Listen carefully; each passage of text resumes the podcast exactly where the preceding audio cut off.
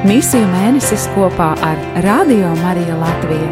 Piedāvājam dienas pārdomas no Tautu evanģelizācijas kongregācijas pontificālās misiju biedrības sagatavotās grāmatas Kristīti un Sūtīti - Kristus baznīcas misija pasaulē.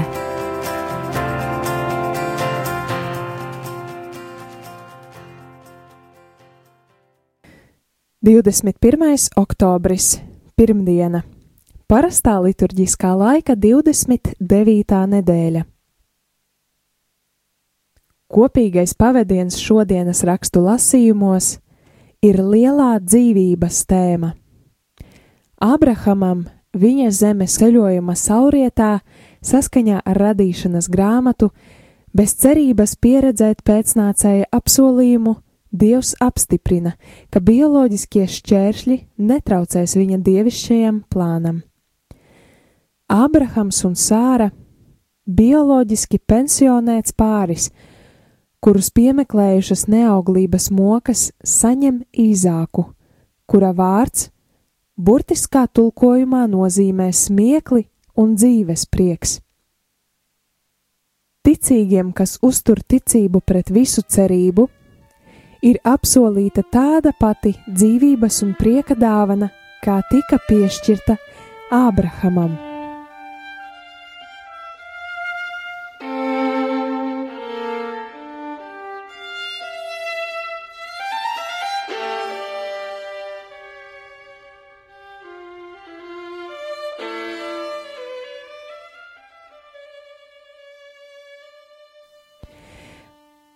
Apostulis Pāvils, cenšoties ar bibliskiem argumentiem atbalstīt taisnošanas ticībā doktrīnu, norāda uz stāstu par dieva derību ar Ābrahamu, kurā Dievs uzņemas iniciatīvu un ir uzticīgs.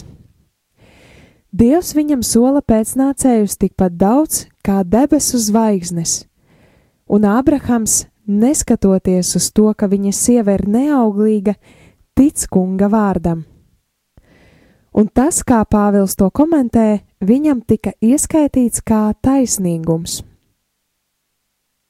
Apgraizīšana, derība, bauslība - tas viss nāk vēlāk, novēro Pāvils. Visbeidzot, ticība dievam un viņa vārdam ir visaugstākā un sniedz mums apsolīto dāvanu caur tīru un brīvu dievišķo labestību. Ābrahāma pieredze ir svarīga, jo tā skaidri parāda dieva spontāno beznosacījumu iniciatīvu, kas manifestē viņa žēlsirdībā, bez jebkādiem iepriekšējiem nopelniem tiem, kuri saņem dievišķo žēlastību. Ābrahāma stāsts vienkārši sākas ar vārdiem, un kungs teica Ābrahāmam: Ej projām no savas zemes, no vietas, kur tu esi dzimis, no tēva nama uz zemi, ko es tev rādīšu. Es darīšu tevi par lielu tautu, es svētīšu tevi un darīšu lielu tavu vārdu, un tu būsi par svētību.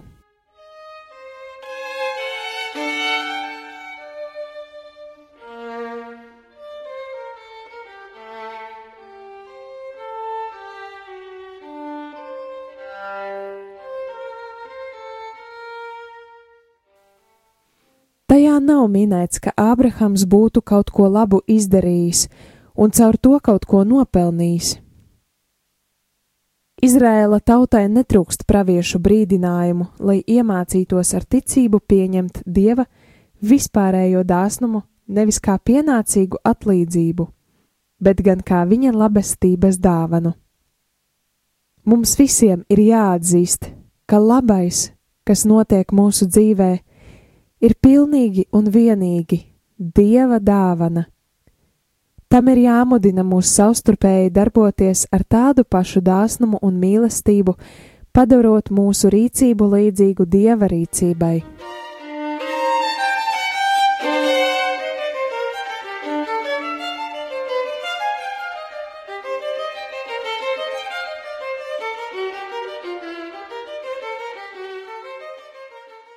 Kas attiecas uz ļaunumu, Ābrahāma stāsts parāda, ka tam ir citi cēloņi.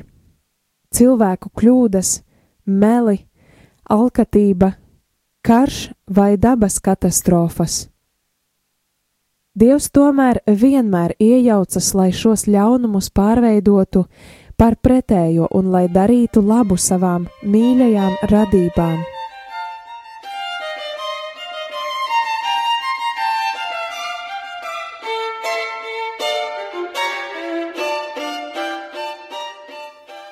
Šī pati dzīvības tēma caurvīja evaņģēlija lasījumu. Tā konteksts ir konflikts starp brāļiem, kas dala mantojumu.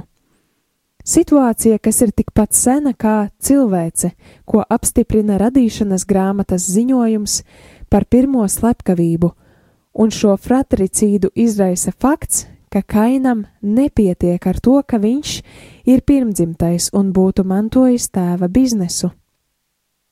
Viņš ir greizsirdīgs uz dieva rūpēm par ābelu Ģimenes konflikta dinamika, kas attīstās starp brāļiem, ir meistarīgi parādīta līdzībā par žēlsirdīgo tēvu.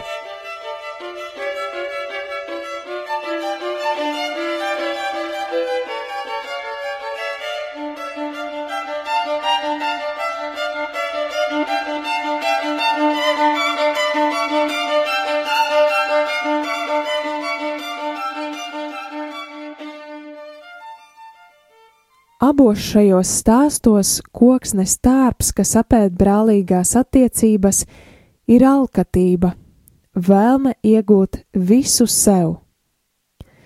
Šeit Jēzus piedāvā mazliet fundamentālu pamatu, kas ir noderīgs norādījums ikviena cilvēka dzīvei. Pielūkojiet, sargieties no jebkādas mantrausības. Pat pārpilnībā cilvēks nedzīvo no tā, ka viņam daudz kas pieder. Iekšējā pieķeršanās naudai ir visa ļaunuma sakne. Muļķība, ko Jēzus nosoda šodienas evaņģēlijā, sastāv tieši no tā. Aizmirst, ka dzīve visās tās dimensijās ir dāvana. Tā nozīmē dalīties žēlastībā, nevis izspiest visas priekšrocības, kuras tā var dot. Zemes augļi ir dieva svētība, bet tie var tikt pārveidoti par pretējo, kad kāds nolemj tos sagrābt un kontrolēt.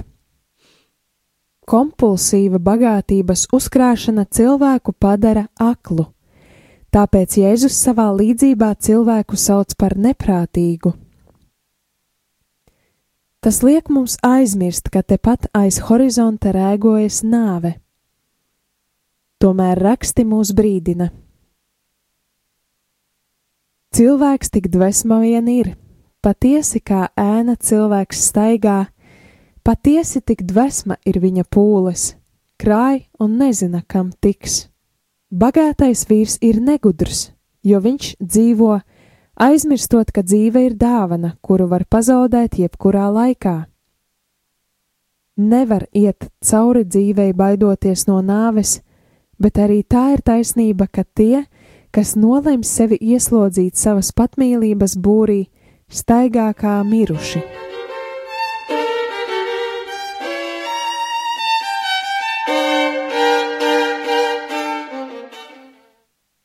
Kas man jādara?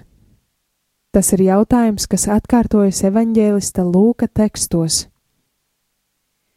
Izvēle starp dzīvību un nāvi ir krustceļš, ar kuru saskaras katrs cilvēks. Izrēlam un pirms Izrēla pat Ādamam dzīvības dāvana, visaugstākajā tās vērtībā, ir stingri saistīta ar paklausību dievam. Kad cilvēce izvēlas baudīt materiālās lietas, izslēdzot dievu, mēs sevi nosodām bēgšanai izsūtīšanai un visbeidzot nelaimei un nāvei.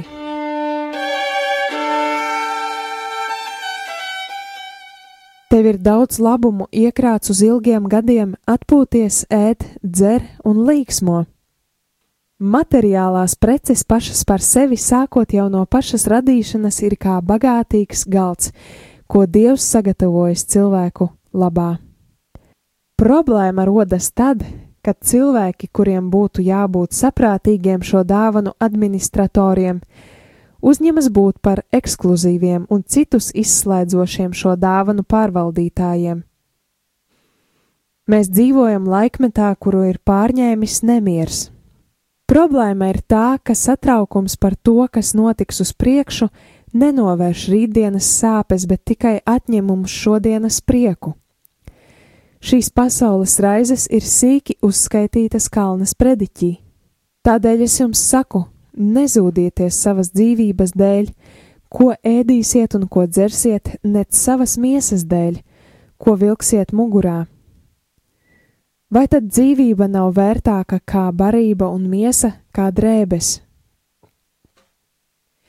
Meklējiet vispirms dieva valstību un viņa taisnību, tad jums viss pārējais tiks iedots. Nezūdieties par rītdienu, jo rītdiena pati par sevi parūpēsies.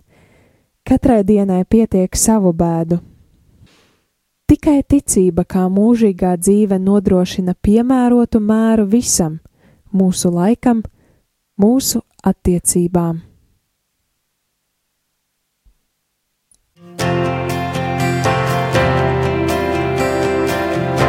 Dzirdējāt dienas pārdomas no Tautu evanģelizācijas kongregācijas pontificālās misiju biedrības sagatavotās grāmatas Kristīti un Sūtīti - Kristus baznīcas misija pasaulē.